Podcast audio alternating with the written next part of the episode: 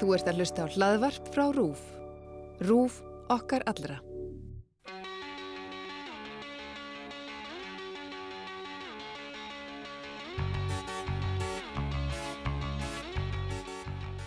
Hæ og velkomin í með vitjanir á heilanum.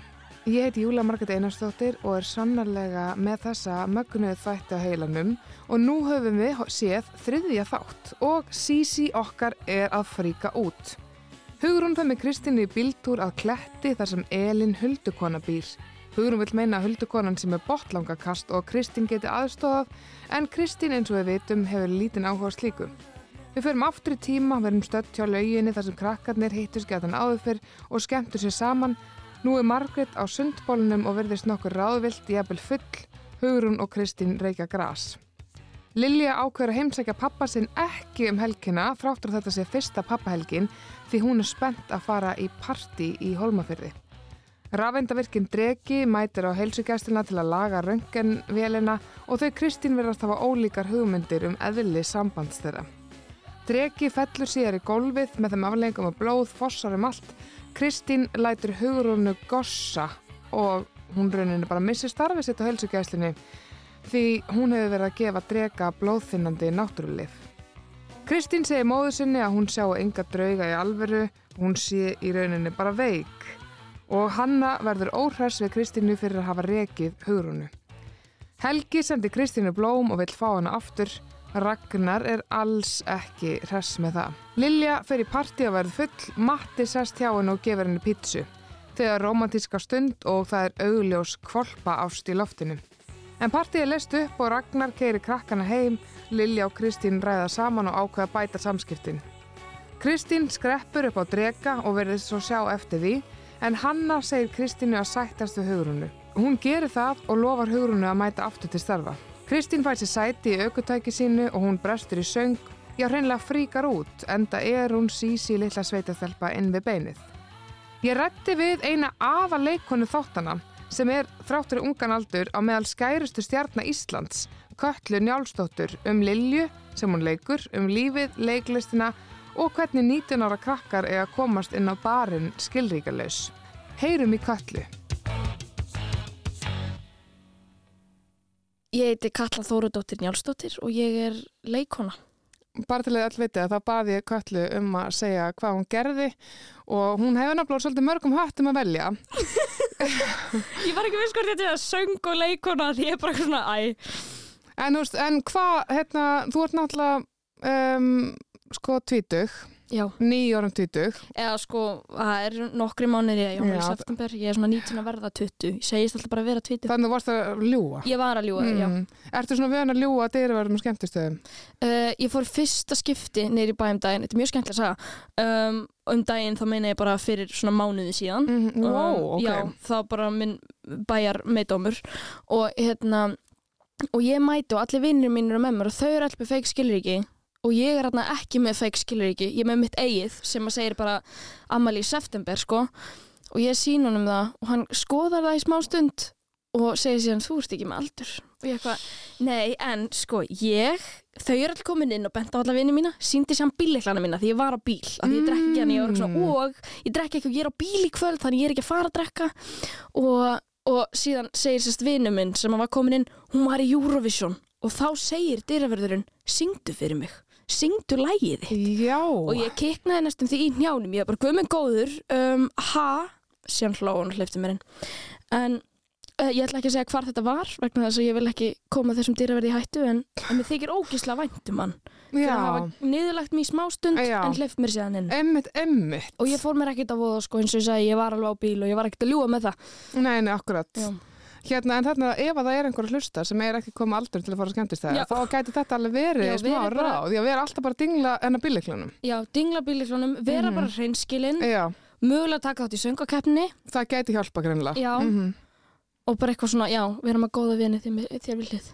Talandi um söngakeppnina, um, sko, þú tókst þarna þátt og, og já, komst áfram í úrslitin með alveg glæsilegum árangri, mættir fáru veiki úrslitin en neldir samt bara flutningin uh, og svo bara allt í einu ertu komin hérna að leika eitt aðalutverki í vitjunum, sko, hvernig er að fara frá því að vera bara og ung stúlka í Vestló og ég að vera bara veginn manneska sem allir þekkja Þetta er svo, sko ég myndi ekki segja eitthvað manneski sem allir þekkja en ég er alveg að lendið í, í fyrsta skipti núna að vera bara stoppuð eiginlega hvers skipti sem ég fer út í búð Mhm. þú veist ég var, ég var, þú veist að ég var þú veist ég hef leikið áður en ekkert voðalega mikið eða þú veist, jújú, jú, en ekkert svona, ég var í hjartastinn á föngum og svona og þá lendi ég alveg stundum í því að fólk var að stoppa mútið búð bara að býta, hei, er þú nokkuð? En núna er ég að lendi, ég er bara svo, má ég fá mynd? Og ég er alltaf jafn bara svona, já, bara í græmitiskælinum Já, ég græmið skælum í hagkaup, bara eitthvað svona sæl, ég fá mynd með þér? Og ég bara, oh my Þetta gerði síðast í rauðan á Subway.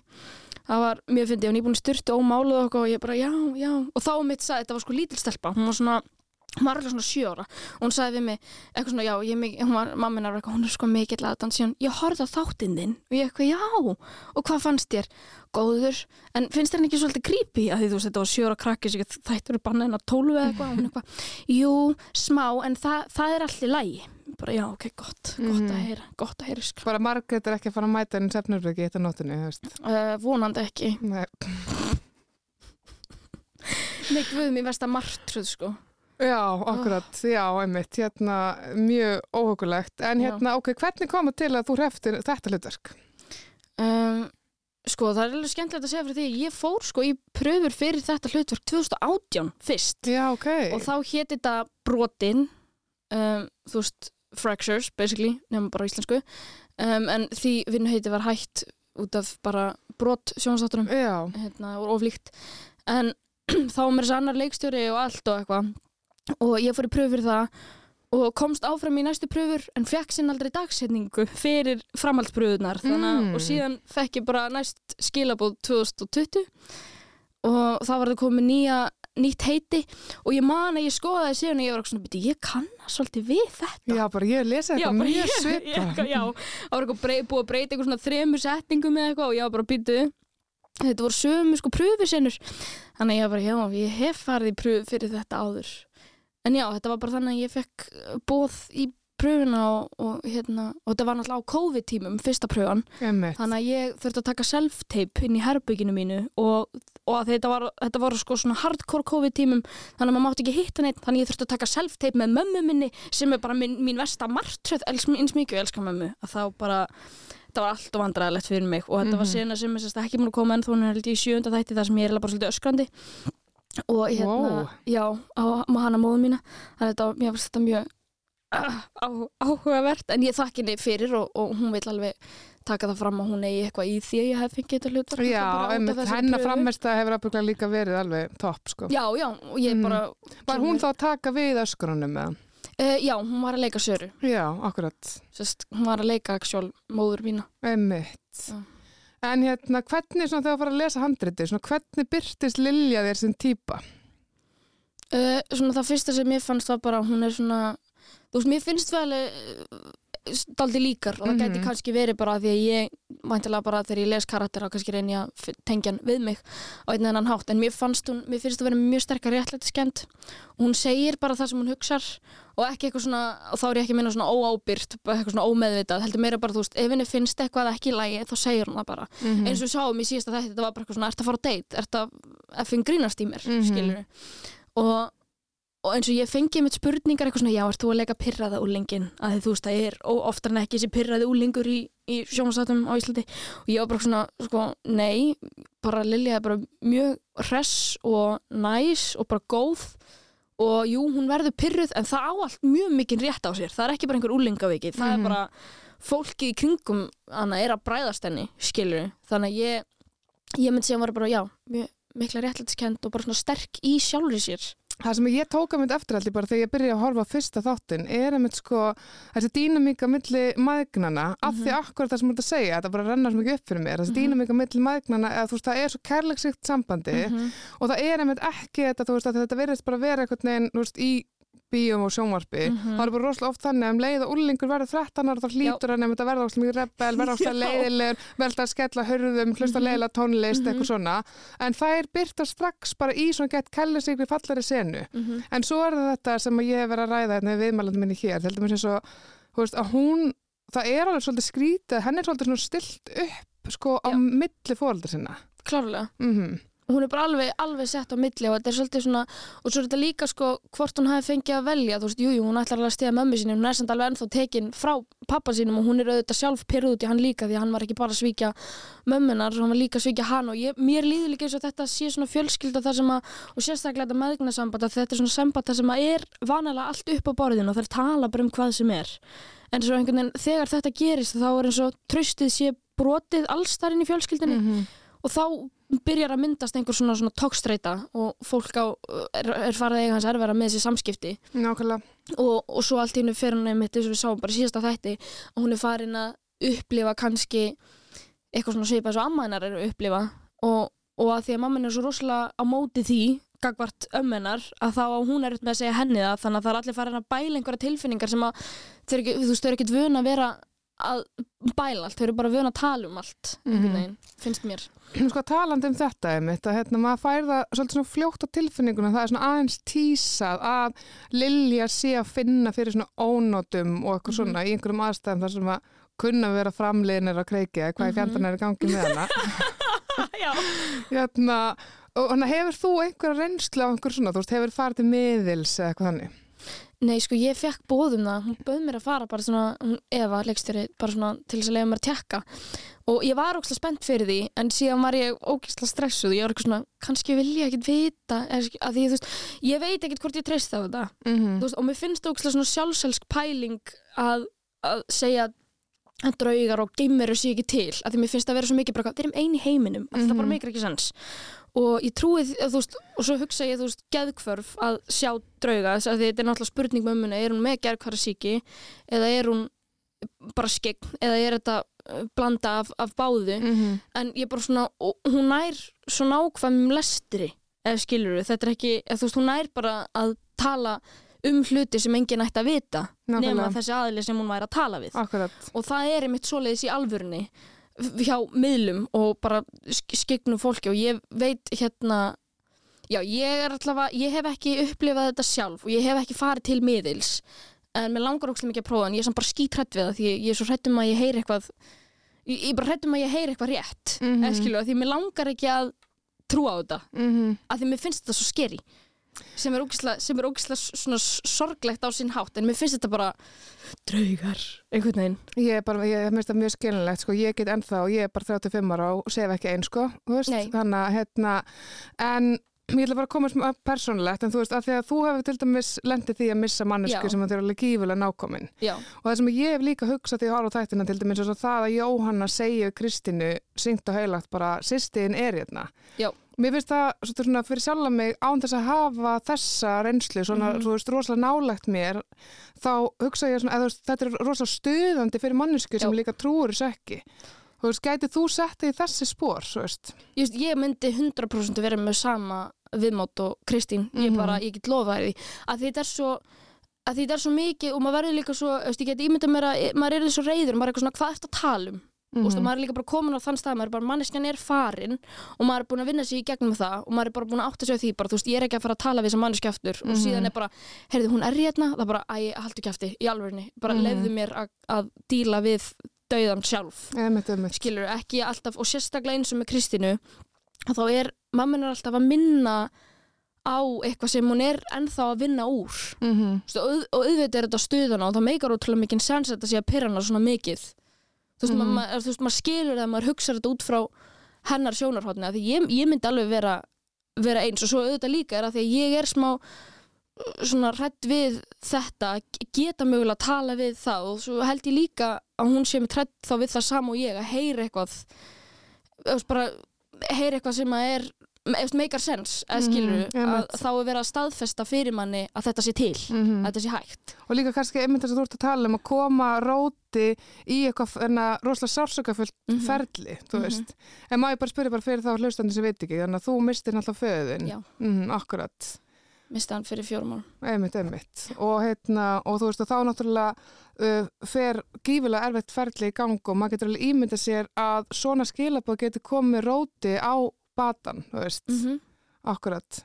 Já, einmitt, það er þarna sem ég alveg, einmitt, mér finnst það svo áhugavert akkurat að, að því að maður sko, mm, maður skilur motivationar allar karakterina. já, nefnilega, Ég fatt alveg Jóhannu líka, þú Já. veist, ef að, þú veist, og við, náttúrulega- við vitum ekkert hvort að hún sé í rauninni skegn og sé í sambandi Já. við þetta fólk, þú veist, eða með hvort hún sé að ímynda sér og, og það er einmitt hérna, þetta er akkurat í þriðja þætti sem Kristín konfrontarar móður sinni og segir bara við hann að þú ert veik. Mhm. og maður finnur einhvern veginn líka svona einhvern veginn afneitun Jóhannu gagvart því, þú veist. Þannig að það er mikill svona núningur í gangi. Og hættir að taka lifi sín og, mhm, einmitt. Og, og finnst eins og hún geti ekki talað við hana þegar hún er á lifjónum og veist, þetta er klárlega og það er einmitt það sem mér finnst svo magnað við það sem bara Kolbrún og Vala eru búin að vera að skrifa er bara að þú veist þessi seria er rosalega mikið um fólk og, og sögur fólks að þetta er ekkit endilega kannski svona einn og bytt sögurþrár allavega ekki ennþá, allavega ekki fyrstu þrjá þættan þú ert ennþá bara að koma þér fyrir hjá fólki og skoða skoða fólk og það er það sem að mér finnst eins og fólk er eitthvað svona ef, ég hef heyrt hérna fólk segja eitthvað svona að mér finnst þetta kannski alveg nóg spennandi. En málið er þetta er ekki mér finnst þetta reyndar alveg spennandi en, en þetta er meira áhugavert finnst mér, mér finnst þetta meira að vera svona þessi séri svona áhugaverð því það langar að vita hvað er í gangi hjá þessu fólki einhvern veginn. Mhm, akkurat. og mér, og mér finnst fólki þarna náttúrulega bara hlutræðasta manneski sem þú finnur hérna en mér finnst fólki vera áhugavert og vera trúverðugt, það er svo alvöru. Mhm, og, og einmitt bara ein- eins og segir að þá hérna skilum maður einhvern veginn alla. Mér finnst engin búin að vera, engar tilfinningar búin að vera óréttlætar. Þó að Guð, þó að hérna, Kristín hafi verið að er að koma svona fram með dóttur sína að þá skilja Kristín á sama tíma ógisla vel af hvernig hún er ekki búin að hvernig hún er að haga sér. Já, og þá skilja líka hvernig Lilja er að haga sér gagvart henni. Mhm. Þú veist þetta er, já þetta er svo alvöru. Þetta er svo alvaru. En sko, þú ert alveg upp í Reykjavík. Oh, já, eða sko, ég er alveg upp í Reykjavík en ég er ættuð frá Stykkisólmi sem er náttúrulega bara við hliðin á grundafiði Mm og hérna, þannig að ég, þetta eru svona, ég ætla ekki að segja heimaslóðir en þetta eru svona sumarslóðir, ég var alltaf á, í Stykkisólmi á sumrin. Þannig að hérna, við, við baldur stundum þegar baldur sem leikum matta, þegar við vorum ekki í tökum að þá kíktu við stundum yfir í Stykkisólm að rúnda og fá Á hvað fjölskyldinu þínu þá? Nei, bara Mhm. á kíkja bara keira um og Já, það er svo skoða- ókslega fallegt. Já, nafli alheimsins já, er það ekki? Ég held að það sé bara alveg rétt hjá þér, sko. En ég meðan þá kannski að einhverju leiti kannski líka svona tengt við þessa reynslu, þú veist, eða þú veist, þennan kontrast Mhm. að koma með úr þessu samfélagi Reykjavík þar sem að, já, eins og þú segir enda sjálf, skilur að hérna, þú ert alveg stoppið í rauðin á Subway einhvern veginn núna þegar við erum þráttur allt líka rosa lítið samfélag, skilur um leið og einhver Já. verður smá ábærandi, en hérna, en aðeins þetta smábæja samfélag. Já, það sem að bara allir þekkjast. Já, Veistu þegar, þegar ég fer með afa e, til Stekisólms og við förum út í búð bara að kaupa smjör og við erum að inn í kannski 40 mínútur að því að hann þekkir annað hvað naðila já, þetta er bara svona, þetta er bara nei sæl, hvað segir konan? einhvern veginn, mm þannig að já, þetta er, þetta er mjög áhugavert og mjög skemmtilegt með kontrast og gott að ég, ég elskaði að vera á grundafyrði mér fannst rosalega þægilegt að fara hann í tökur og vera bara fara í göngutúra og eitthvað sem, eitthvað sem ég er bara alls ekki vön að gera Nei, einmitt. Þannig fannst þau innri frið. Þarna fann ég minn innri frið já. þarna hérna sennaði ég mig Nei, ok, kannski ekki alveg Að hérna, Lilja er svona típa sem að hérna er svona, já, hún kemur hérna og verður strax svo, svo náin hérna strákunum í næsta og sérstaklega matta. En þú veist, núna verður þið rosa náin og það svona byrjar að koma í ljós svona, það er eitthvað svona, Mm. eitthvað svona hrifning í gangi. er það vandræðalegt, þú veist, fyrir þig og hérna leikarinn sem þekktist kannski ekki fyrir?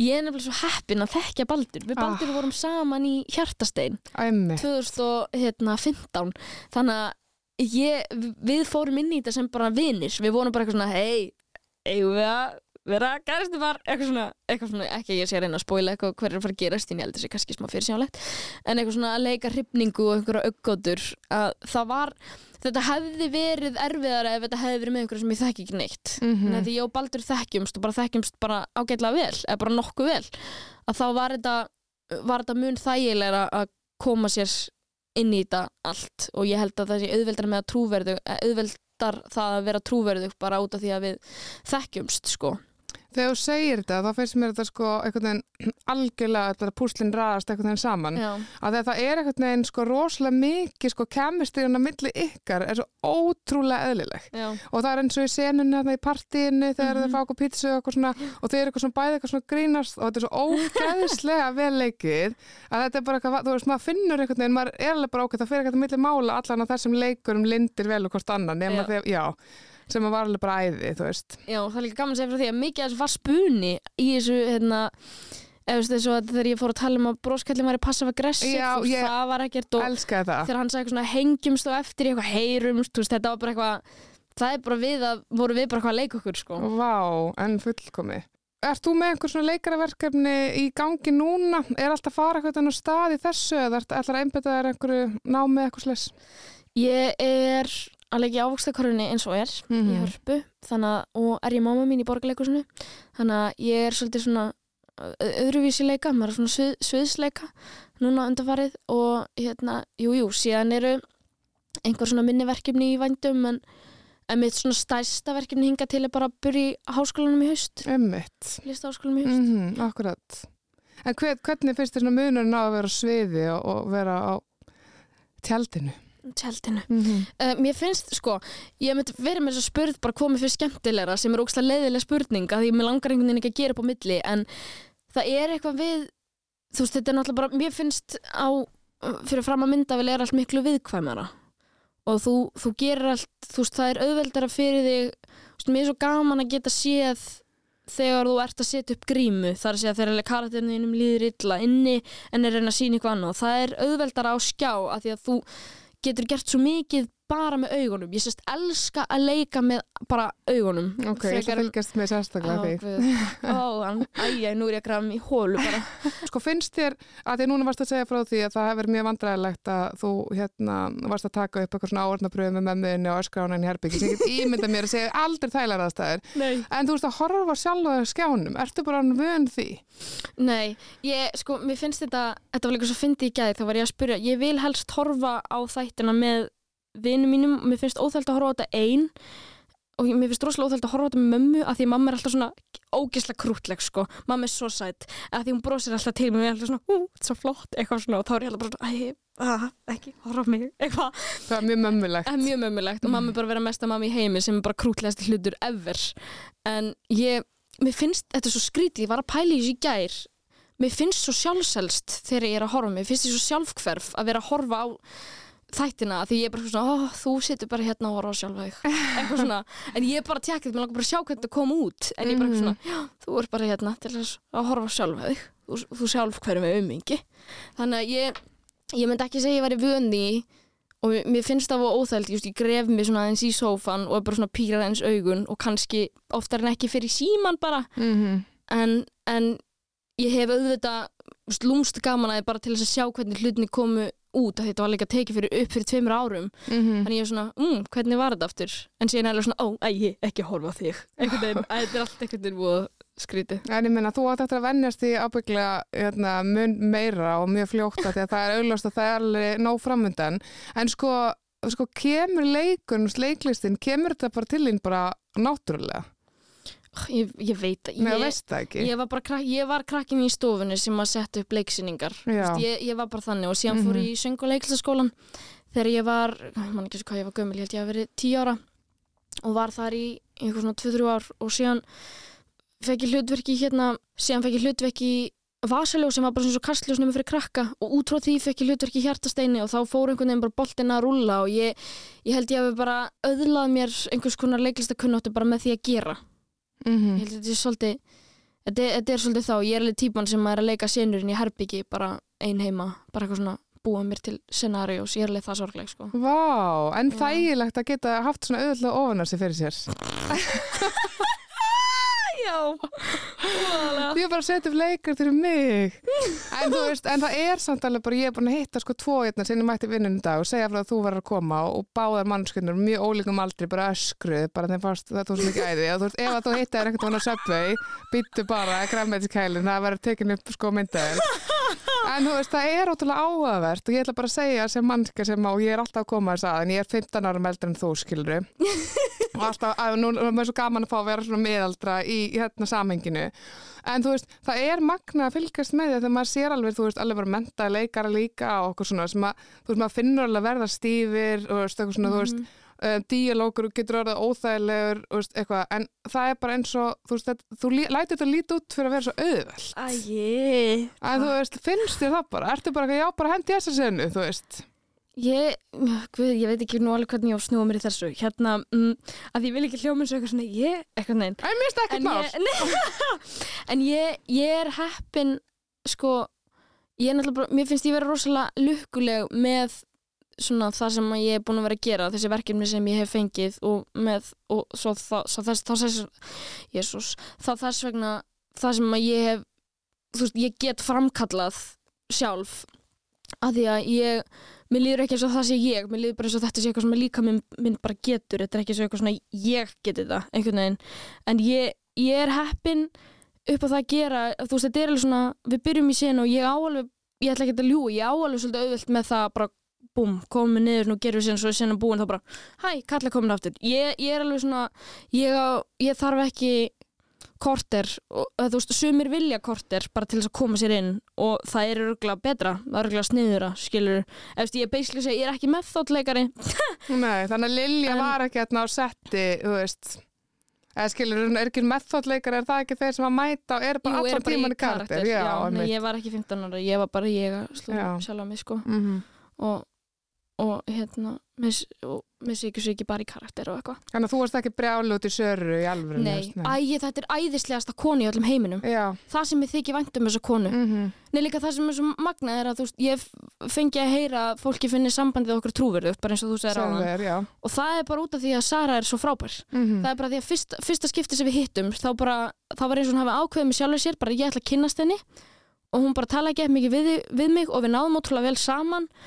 Og þannig að við bara svona því ég alveg leikið með fólki sem er bara frábært sem er kannski að leika fóröldrar mín eða eitthvað sem er bara svona mætir í vinnun og er bara í vinnunni mm -hmm. en hún actually var bara veist, hver er þú? og, heitna, við, og, og það, það, það bara 100% hjálpaði því að, að hjálpa okkur eins og þannig í fyrsta þættinum þegar ég er að tala um fólk utan að landi það var bara spunni hjá okkur Já, það var bara við að leika okkur mm. og ég hefði mm. aldrei þóraðið mitt og eins og með Baldri ég hefði aldrei þóraðið að hendi einhvern svona spuna með einhverjum sem að ég er ekki alveg örug með eins og með Sör og með Baldri mm -hmm, Akkurat Þannig Það er alveg einmitt, það er afbyggla alveg einmitt líkil eins og það talar um að, hérna, að það þekkast fyrir og vera einhvern veginn búin að byggja sér einhvern veginn svona samband mm -hmm. frekar en að koma einhvern veginn algjörlega kaldur inn einhver sinnum eða það þekkir ekki neitt. Nefnilega. Og maður finnur það alveg, mjög áþrjáðlegt fyrir áhörandana þú veist, að það er nú þegar komin eitthvað, eitthvað svona samband. Mm -hmm.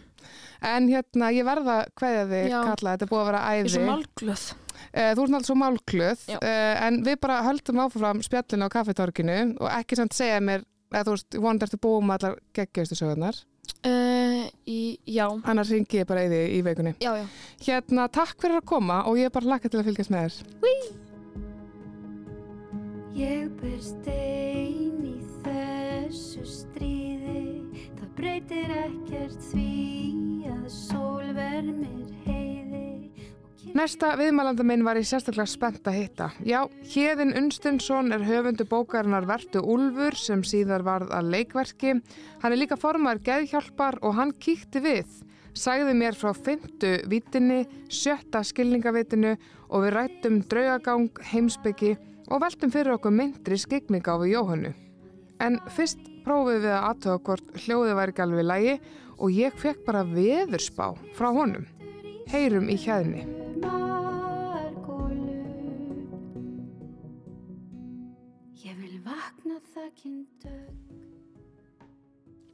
Já, góðan daginn. Nú verður að sagða við frettir. 11 millibara læð í landinu. Nei, þú veist, það er 1150 millibara læð. Já, ok, jésus. Mjög há, en svo er þetta læð að koma sem er 930, mjög djúb. Já, hún er aldrei stjúb. Það verður þrýstingsbreytingar og sveiblur, mikla sveiblur. Já, góðan dag. Ég heiti Hjeðin Unstensson og uh, starfa í fósættisræðandinu sem sérfræðingur í stefnumótun en er líka formað landsamtakana Geðhjálpar Myndur ekki kalla skáld? Jú, ég er líka fæst við rittstörf og yrkingar Mm að gamla skólanum þar að segja með hérna, stuðlum og höfustöðum Akkurat, og já. Það, hérna, þú skrifaði bók sem kom út ára 2015 eða er Jú. greitt mér, já. Og það er þetta fjalla á rosalega opinskáan hátt og þú verður að leira þetta með ef ég nota eitthvað hérna röng uh, hugtök.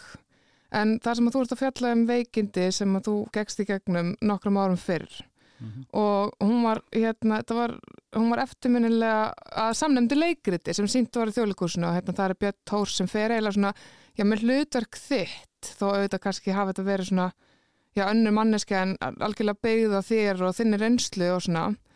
Um, og við vorum rosamarki sem fóru sátaleikrið og þetta var sínt hann á stóra sveinu fyrir fullu húsi aftur og aftur og aftur.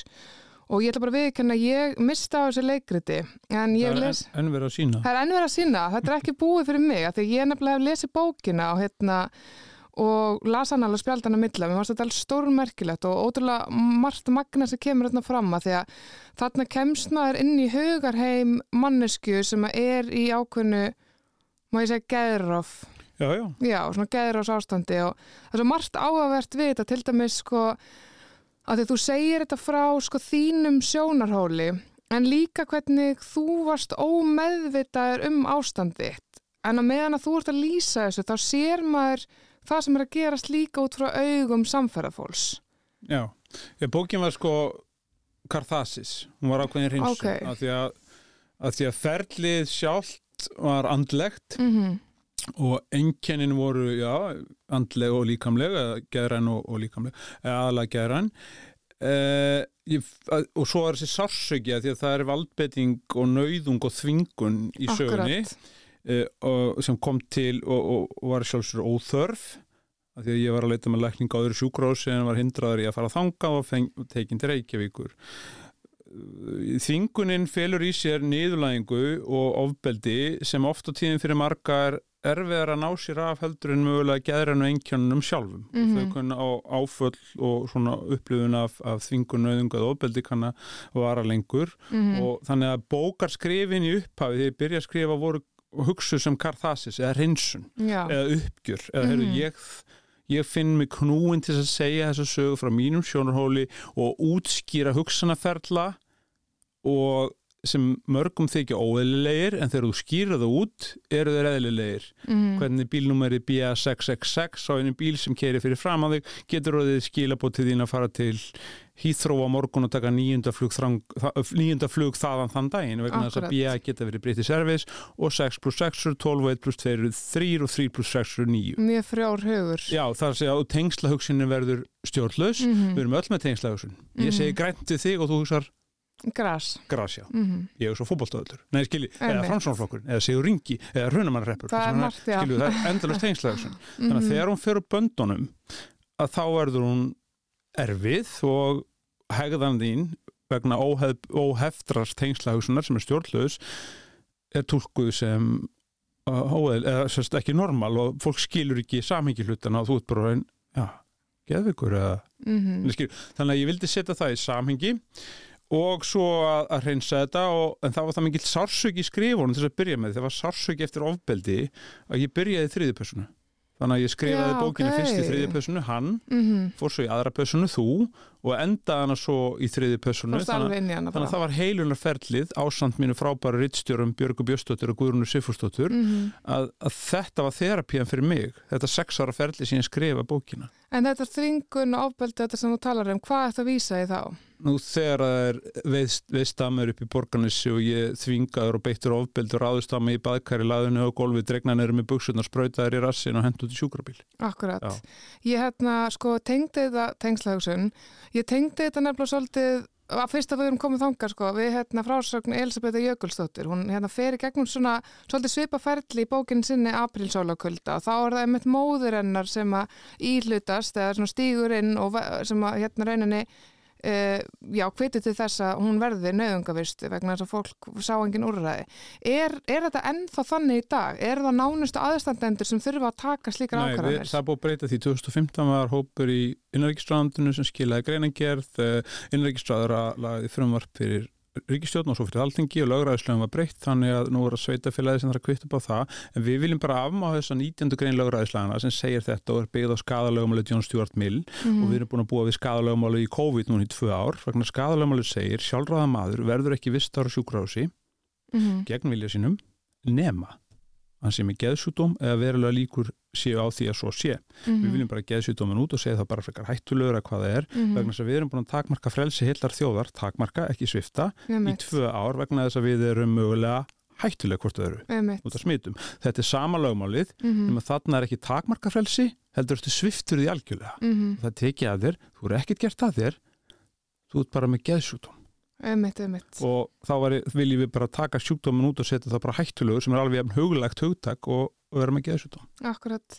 Þannig að þetta er allt ótrúlega áhugavert. Við höldum kannski áfram þessum nótum eftir en ástæðan fyrir ég fæði hérna til mín hérna var einmitt, já, meðal annars vegna að ég var svo heilluð af þessari frásögn og hugsa, hef hugsað mikið um hana og hérna, og við erum sérst að fara að tala um, já, setja þetta í samhengi við þáttin, hérna vitjanir og í þessum þáttum er á ferðinni eldri kona, Jóhanna, sem að telur sig vera skegna eða er það, hvort sem það er. Og máli er að hún verður þarna fyrir áfalli 30 árum fyrir þegar hún missi dóttur sína. Og síðan þá finnst henn hún sjá bæði hana og aðra framleiðina á sveimi. Og hún verður svona tengilegur bæjabúa inn í handan heima og er að halda miðilsfundi og vera með engalestur og dóttur hennar Kristín sem er læknir, hún trúir aðeins á þennan heim sem, sem er svona flest okkar skinja eða svona upp að því marki og það sem vísindin geta sannað óeikjandi og segir við móðu sína akkurat í þessum þriðja þætti sem vorum að horfa á mamma, þú ert veik sko þegar þú á stöðu sem þessari og sem sem þessar tvær konur í, svona hvað er að fyrsta sem þér myndi detta huga vera að gerast þannig? Sko, það er svona tvent sem kemur upp í hugan. Annars vegar kannski við byrjum út á skinjunni að við getum fært fyrir því rauk að það séu svona metafísist heimsbyggilega sé 7,9 miljardar huglar á upplifun á heiminum. Mm Að hver einstaklingur í heiminum, sem eru 7,9 miljardar núna, cirka, hafi sína upplifun. -hmm. Og eitt kíló í hendinni þinni sé önnur upplifun hjá mér í minni hendi. Samt vera sama kílóið. Mm Við erum búin að hlutlagt setja einhverja mælistik á heiminn og svo eru svona þættir sem við ráðum ítlilega við eins og gerðskanir sem er alltaf huglagt. Menna þunglindir eru fimm enginni við tvo mánuði, -hmm. okkur ekki sex enginni við fjóra eða þú veist þetta er knippi af enginnum. Akkurat. En út frá 7,9 miljardar upplifuninni þá getum við líka fært fyrir auðvitað að heimurinn er þrývíður. Við erum saman um Mhm. það. Við skinnjum þrjár vítir. Við erum með fimm skinnfæri, ekki satt? Já, og er, Jú. er það að segja nú? Já, en við getum fært fyrir auka mögulega sé að sjötta, sjötta vítin opin hjá að við getum ítlilega skýrt það að börn sem oft er með opið Mm sjöttu, eða mynda sjöttu vít -hmm. við tala um ósynlega vini, eiga samtöl við þá, sjá þá jafnvel Mhm. og öll þekkjum við þessar sögum með börnin okkar að þau, eða börn almennt að, Mhm. að ykkur þeirra eru mun næmari en, og, og svo sko, eldist það ofta af þeim Akkurat. Ég þekki þess dæmi að ung, ung stúlka átti marga ímyndaða vinni og Mhm. talaði við það og, og sagði, herri fyrir ekki, þú situr á henni Ingibjörgu, viltu standa upp? Úff, Nei, mig, já, þannig, að, þannig að allan fimm vítur og, og svo sjötta hana, möguleg, en, en sko, og svo erum við búin að binda upplifun okkar á plánutu snúningi sem fjórðu vítina, fyrst í gennum sandkott, svo í gennum úrskífur og nú í gegnum síma og skjái, þar er það tíman Mm og við höfum stjórn á honum eða töljum okkur hafa stjórn á honum, hafum svona enga stjórn á honum vegna þess að hann hefur stjórn á okkur við erum alltaf hann. -hmm.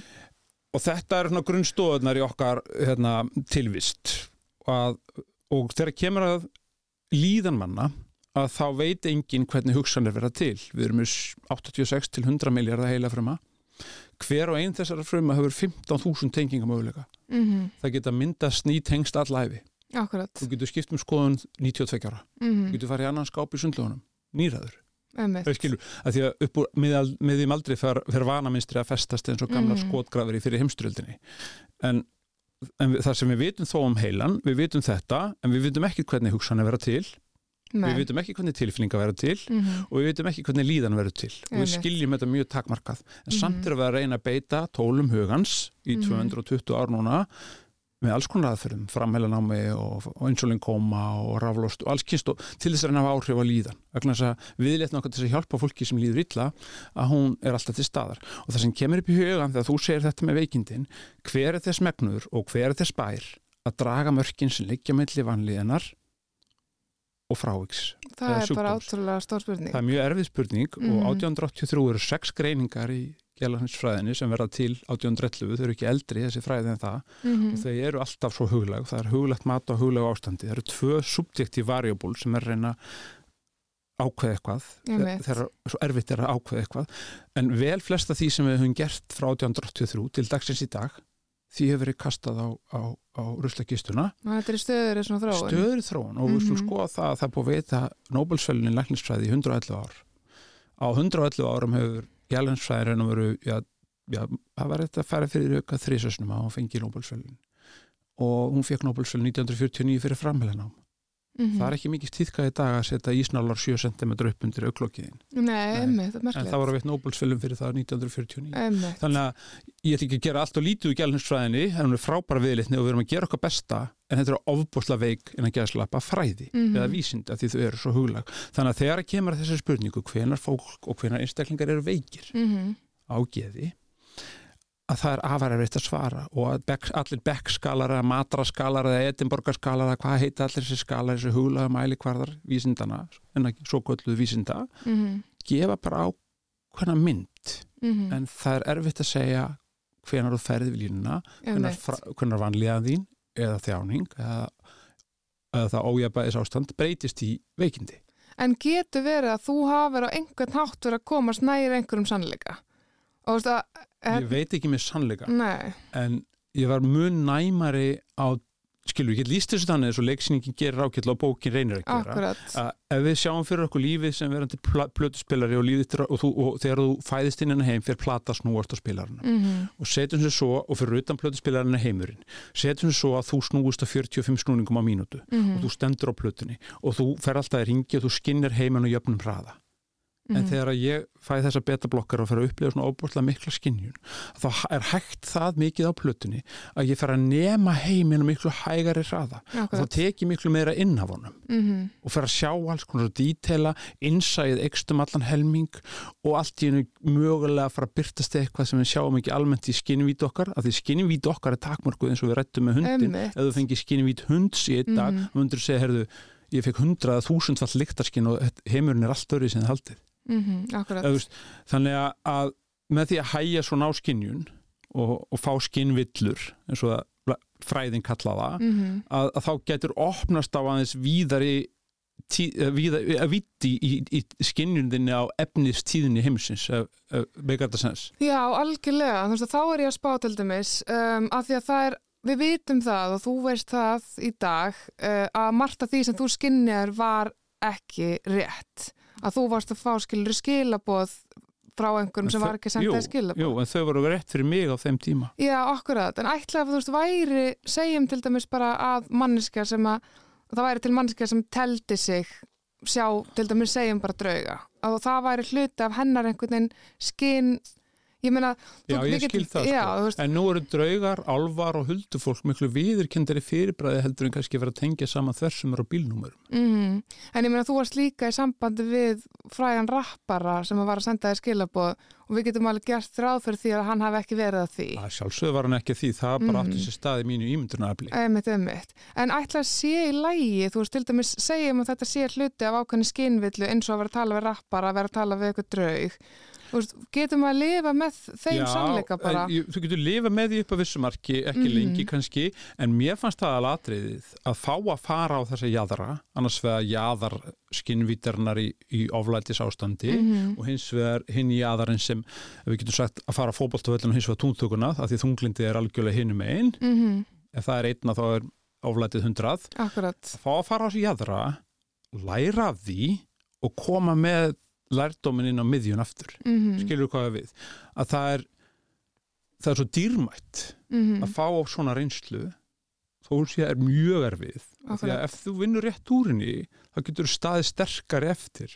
Einmitt. og ég er að segja það með okkar gehelbriðiskerfi núna að lifa og þessar aðfyrir ham og fleira sem er beitt að þetta er allt viðlitni og þetta er alltaf breytast þetta er gagnarsumum en við verðum líka að, að, að gefa einstaklingum tækifæri til þess að sko prósessera upplifun sína og, og, vinna úr að því það er alltaf eitthvað merking, það er alltaf eitthvað dýbra því að innsti kjarni veru okkar er vitund Mhm. og þegar við vinnum með líf og hugurinn aðtælis með fyrir þess að þætti sem eru vinsalega núna í okkar instant veruleika að þá erum við alltaf að vinna með hegðun hugsun líðan við Já. förum aldrei inn á vitundina vitundin er undir meðutund meðutund skil, þannig að, þannig að það er svo mikilvægt að vinna dýbra með þá annarkot EMDR aðferðum eða síkoanalýsu eða og nú eru þessi vitundarvíkandi efni að, að hérna, reyða sér til rúms í rannsóknum bæði Evrópu og bandrækjunum og 6-7 miljardar bandrækjatala komnir í þær rannsóknir þannig að það verður mjög áhægt að sjá hver næsta framfara bylgja gælansfræðinar eða geð,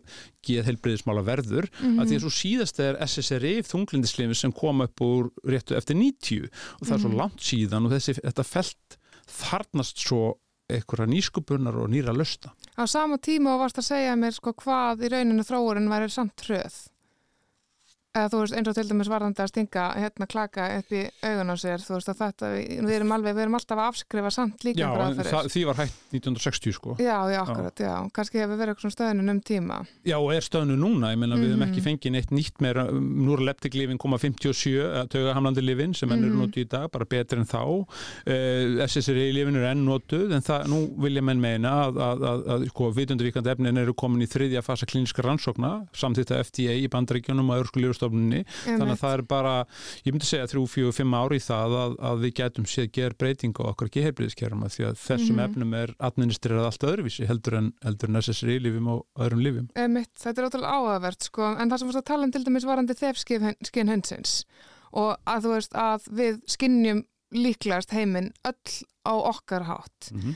Gæ, þú veist, gætir þú verið opinn fyrir því að manneskja sem að er í sambandi, telur sem er í sambandi við handan heima, sé bara í rauninni með meiri skinnjun heldur en ég og þú inn í einhvern annan heim eins og hundurinn hefur sitt þefskinn. Já, en mögulega getur þetta líka bara verið sami heimurinn en við bara með þrengri skinnvít Já, akkurat. mm Já, ég, eins og ég sagði það við þið áðan ég hveti til að lesa æfisögu undri undri á svona miðils og víst að að þetta var náttúrulega blómaskitt spiritisman hérna á lok 19. aldra og upp af 20. og margt, sko, ég get að segja allt rétt eða rangt í þessum málefnum en við höfum, já, við höfum alltaf verið þjóð sem já, það er tekið eftir því elendis að við trúum mikið á álfa og huldu fólk Mhm. og draugasögur hafa fyllt okkur og við höfum, höfum verið svona svolítið opinn fyrir þessu ég veit ekki hvað maður rek, hver, hver, hver, sko að því við erum á 77 ára æfingarhingi líðveldi núna við erum búin að vera líðveldi í 77 ár Mhm. 500-600 ár þar og undan vorum við undir normannundunum og vorum vannmáttu og erum enn vannmáttu og fyrsta spurning sem við spyrjum útlend- útlendinga hver er hún, jú, how do you like Iceland Akkurat. veittu mér ytri, Hvað við, finnst þér veittu mér mig- ytri mig? viðkynningu Mm til þess að segja að ég sé í Emitt. og við erum mjög upptekinn af því og nú ætlum ég ekki að að hljóma þóttafullt en sko það skiptir svo miklu máli að spyrja þessu spurningar hef ég eitthvað að segja? Eða þarf ég að hafa eitthvað að segja? Mm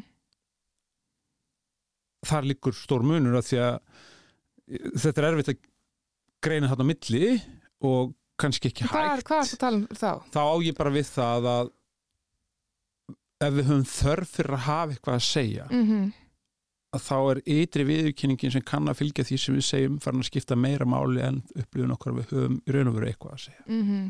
Og þá er við- það í rauninni að hafa eitthvað að segja eða fara það elda Já, þá þörfina. er hvatin fyrir því að fara tjá sig, Mm -hmm. beita og beina inn viðbröðum sínum út í samfélagið Mm möguleg jákvæð skilirðing samfélagsins tilbaka. -hmm.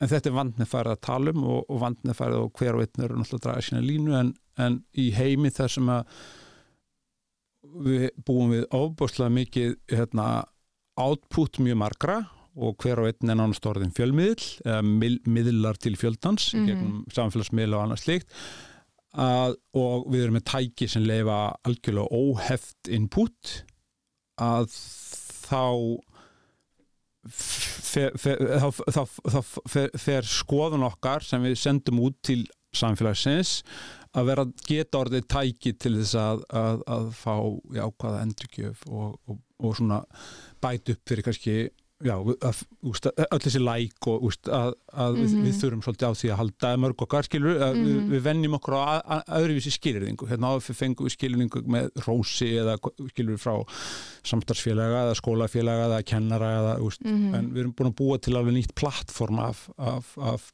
mögulegum ytri viðkynningum Emitt. Hérna, hva, hvað getur þú sagt með meira með indriða miðila þegar þú varst, hérna, varst eitthvað myndist á hann?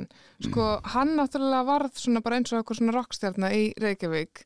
Skamman tíma, já Já, og hann dó Hvað? dó mjög ungur bara rétt um þrítugt Mm og en sko ég hvet bara á því til þess að lesa sögunans að því að þetta er ungu dalamaður sem kemur hérna í bæinn og Einar Kvaran og Haldur Nílsson og fleiri svona hérna, greiða götan sér og, og, og, og, og ég man að þeir fengu og mest, einn mesta efasemda mann úr háskólum til þess að fylgjast með og eins og ég segi þessi fundir sem hann held voru með kröftir og það var svona elevation og húsgögnum og tilfæslur og en eins og ég segi ég, hérna, mér mann bara þegar ég las þessa bók fyrir nokkur málum þegar hún kom hérna út á íslensku að Mhm. kom út að þá þá þótti mér hann ansi merkilega því að úst, svo, við höfum öll alltaf lesið svona hóks eða falsögurnar um- eins og mm -hmm. Lárumiðil og aðra sem þannig að þetta er búið að vera já, þetta er svona snúið felta því þetta er svo áþreifanlegt og, En hefur þú sjálfur upplifun að, að draugagangi?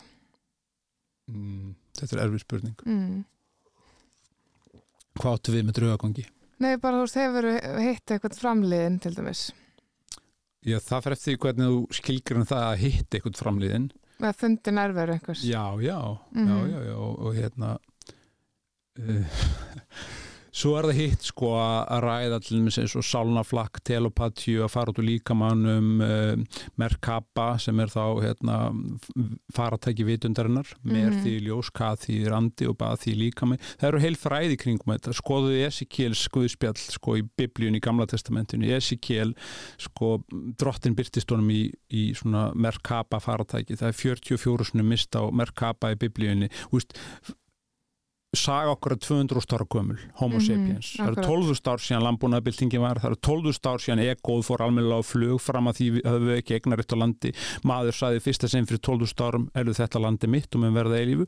Menn haldaði jú að vísu fram að maðurinn hafi slegið eignald sinni á e- annað áður og það, það, var, það, var, það var konan, það er ljótt að segja það áður en að, að taldi segja land. Mhm. Indjánar skildi ekki þessa viðlitni þegar land, landnemarnir komið með jesúita prestarnir sína á púðrið frá Kína 16, á, á 17. döldskilru og Indjánar áttuðu sig ekki á því hvað eignarættunni þýtti byrju, og þeir voru með að mörguleiti göfur menningu sem við trömpuðum á. Ég meina það var kollektífi refsinga fyrirkomulagi mörgum í ættbálkum. Þar að þú brust af því það var öllum ættbálkum refsað.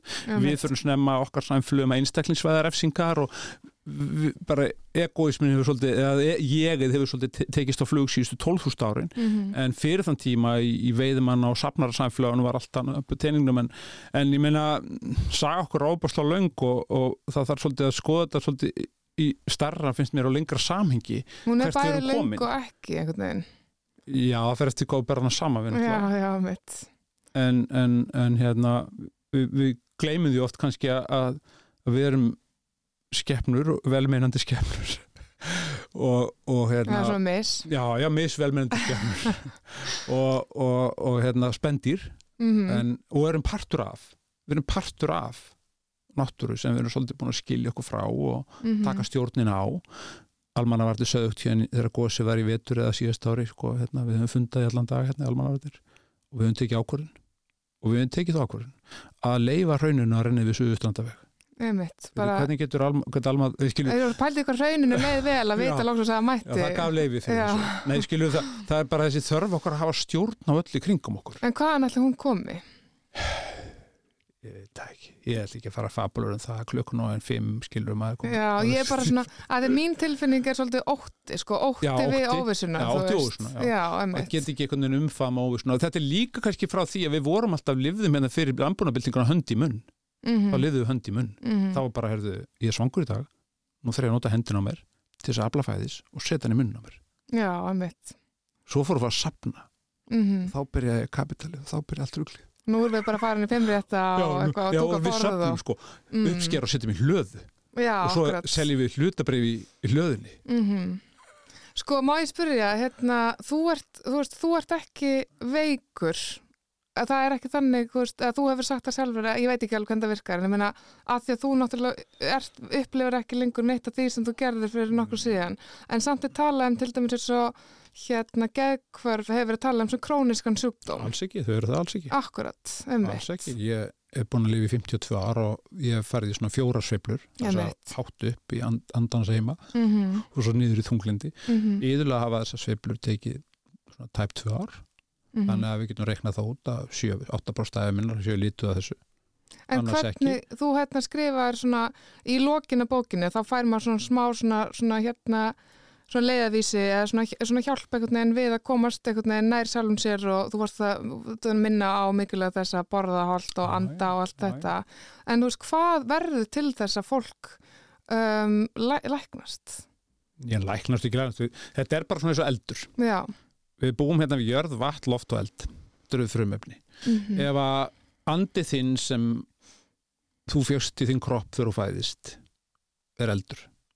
-hmm. Ef svo er, að þá er gaglegt að með tímanum að ná að hemja eldin og gera hana arineld sem þú letur brenna í Mm. kaminu og hann brennur jaft en á tímabili í mínu lífi sérstaklega í kringum tvítugt þegar orkan er sem mest bara Mhm. fysíst öll hormón og full og allt og út að fara út að fara hérna sá fræðin í frjóansverð og egna spötn og allt Mhm. þetta skilur eins og allt líf gerir. Mm að þá breyttist þessi eldur í sinöldu skóareld Já. var stjórnlus Mm svo lærist manni með árunum að hemja eldin og það er ímis tól og tæki sem gagnast öllum sem, þetta einhverjum, úst, hvort sem sveifluvítin er mikil eða lítil eða hvernig sem og það er mataræðið og reyfingin og félagskapur og náttúrulega það sem bjargaði mér var frábær fjölskylda, góði vinir, jú og liv yfir ákveðin tíma. Akkurat. þess að hjálpa að breyta skóareldi í arneld Mm en eftir að þú ert búin að ná stjórna á arneldinum og læra á sjálfan þig að þá ertu svona nokkuð sjálfbær En getur, gerist það að fólk átta sér sjálft á því að það sé komið í skóareldin? Til dæmis að þú já. talar um það að þú gerði það ekki á sínum tíma. Jú, ég gerði það, ég misti ég, veist, ég var alltaf meðvitið, ég var alltaf að leita mér aðstofar ég, meni, ég var að leita líkamlegu, sant? Nei, já, það var bara því ég vildi ekki viðkenna úst, að því að það var Mhm. hvort tvekki í gangi ég var alltaf með, Einmitt, einmitt. með hérna, þýrósis og ég var á Mhm. hjartalifjum og þau Mhm. hægðu svo á hjartanu þannig að þetta var, líkam og sál verða aldrei að skilin Nei, nei. Ok, það, það búi allir við geð já, já.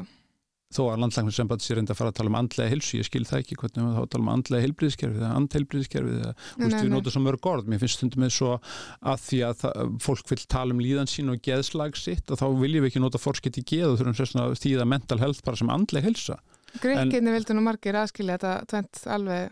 Jú, en það er sami, sama sprott sko, geðjan hígea sem heilbriðisvísindin sprett upp úr er móðir askilupíusar, guðsins sem læknisfræðin Mhm. kennir sig við Mm og þetta er alltaf orsak og afleðinga þættir. Ég meina, ef til að vera heilbriðisker okkur best borgið þannig að við færum regluöld til heimilisleiknis einu sinni mánuð og borgum honum bara þegar við erum frísk, Mm snýrum kvötunum við. Af því að eins og bara í geðlifunum, geðheilbriðisjónustinni í heiminum er velta geðlifi eins og 2020 850 miljardar dala. Það eru 103.000 miljardar íslenska króna. Þannig að það eru greiðlega hagsmunni líka í því að lækna eða, eða aðstóða fólk. Skilju, en á, á endanum erum við bara á vekkferð. Mhm. Vekkferð góðrar við litni og vel flest það sem við höfum prófað fyrir 50 árum erum búin að henda haugana og það er ekkert sem segir mig það að eftir 50 ára verðum við ekki búin að henda 90% þess að við höfum að gera í dag á haugana líka. Já, einmitt eins og talar um aðan, akkurat.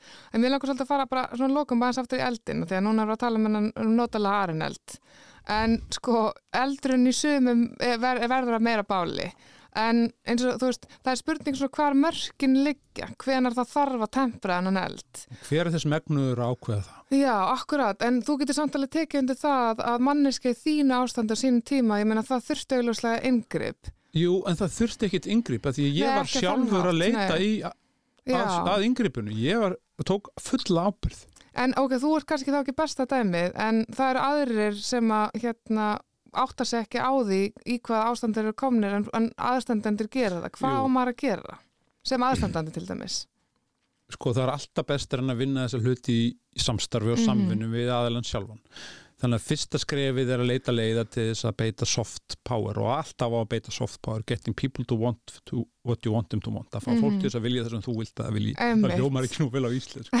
það er svo manipulation. En Nákvæmlega. tala fólk til Mm og beita öll, eins og bara tala við bann að reyna að hjálpa til þannig og tala fólk til þess að ja, viltu, veist, að fá mat og koma nýr á, á bráðamátt okkur geðsvis og fá eitthvað til þess, veist, skilur ef að, ef að það tekst ekki að, að skilur, það, þetta er fyrsta leiðin. Þá Mhm. að leita allra leið og það má aldrei beita nauðung og þvingun á þess að, veist, bara, helst bara alls ekki, bara, að við eigum ekki að þurfa að gera það. En við lifum bara í hröðu samfélagi og stundum bara, hérna, veist gerum við á hans og hugsa okkur um og þetta er eitt verkfæri í verkvækistu heilbríðiskerfisins og það eru þess dæmi líka að fólk hafi verið lagt á 72 tímum þar að segja þingaði 72 tími inn á deild og ekki eins og verið spurt hvort að vildi sjálfvilut vera áfram og verið bara sjálfkrafa nöðungavist þannig að Mhm. við, við verðum að fara að koma öðru sér fram að þetta skiptir svo miklu máli í upplifun einstaklingsins að það vill enginn vera sviftur frelsi sín Nei, akkurat, og eins og þú talar um með bara það- hvað það getur haft langvarandi áhrif, sko. Já, já, og, og bara, já, oft slæm áhrif á fjölskyldulíf og samskipti fjölskyldu þar fram undir göttunum Mhm. en, en úst, að það að fá fólk til að leita sér hjálpar það held ég að sé aðalatrið Mhm. og sína því umhyggju, sitja hjá því tala við það, eða tíma með því, vera með því en leifa hlutunum svolítið að gerast, að reyna allar lengstu löð að hlutinni gerist að forsendu viðkomandi. Mhm. okkur er að senda löðurreglu til dæmis? Byrja okkur ekki senda sjúkrabíl það eru bara þeir sem eru búið að gera skanir sem fá löðurreglur í heimsók skilur það er einmissi svona hlutir og það er þess að mýtur og fordómar og mismunum sem liggja í kerfinu líka því að nú erum við að framkoma könnun með gallup fyrir okkur um fordóma og mismunum könnun sem við gerum síðast 2006 eða Háskóla Íslands gerði, við erum að endurtakana núna um fordóma og mismunum.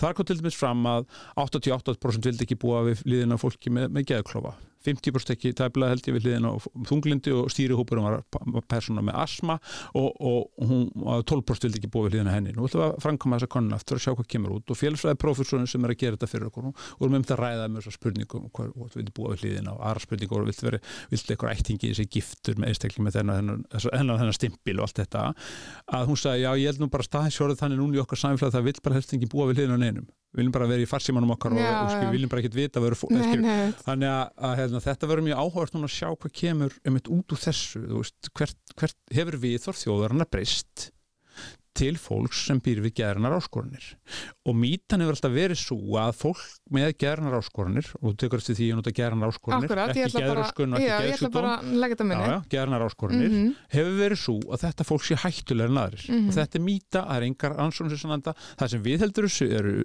bíómyndir, sjónvarstættir og almenn narratífa og orðræða í, í samfélagum okkar. Mhm, og þessu viljum við og þessu þarf að breyta. Mhm. vegna þess að eins og verkið sem þú vitnar í sem, þú, sem, vonandi þú kemst á Mhm, talar um að ef, ef við erum tré í skógi að þá erum við líka skógur.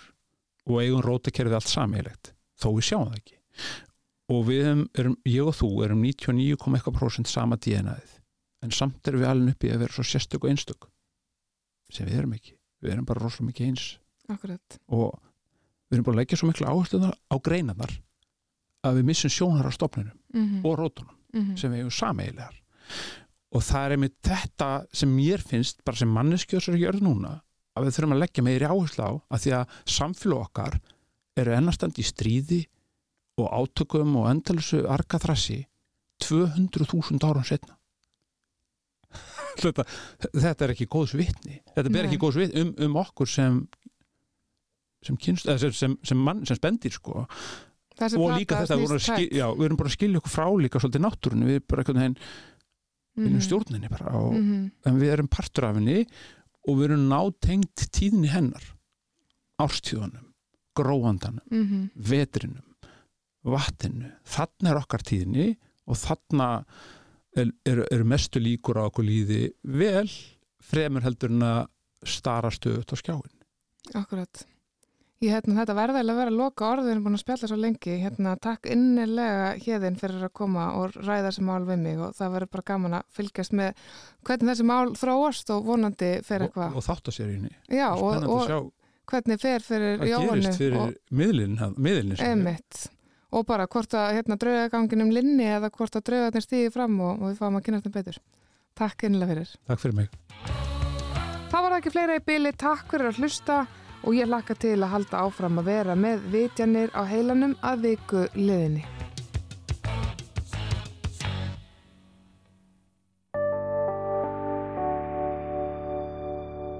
Rúf okkar allra.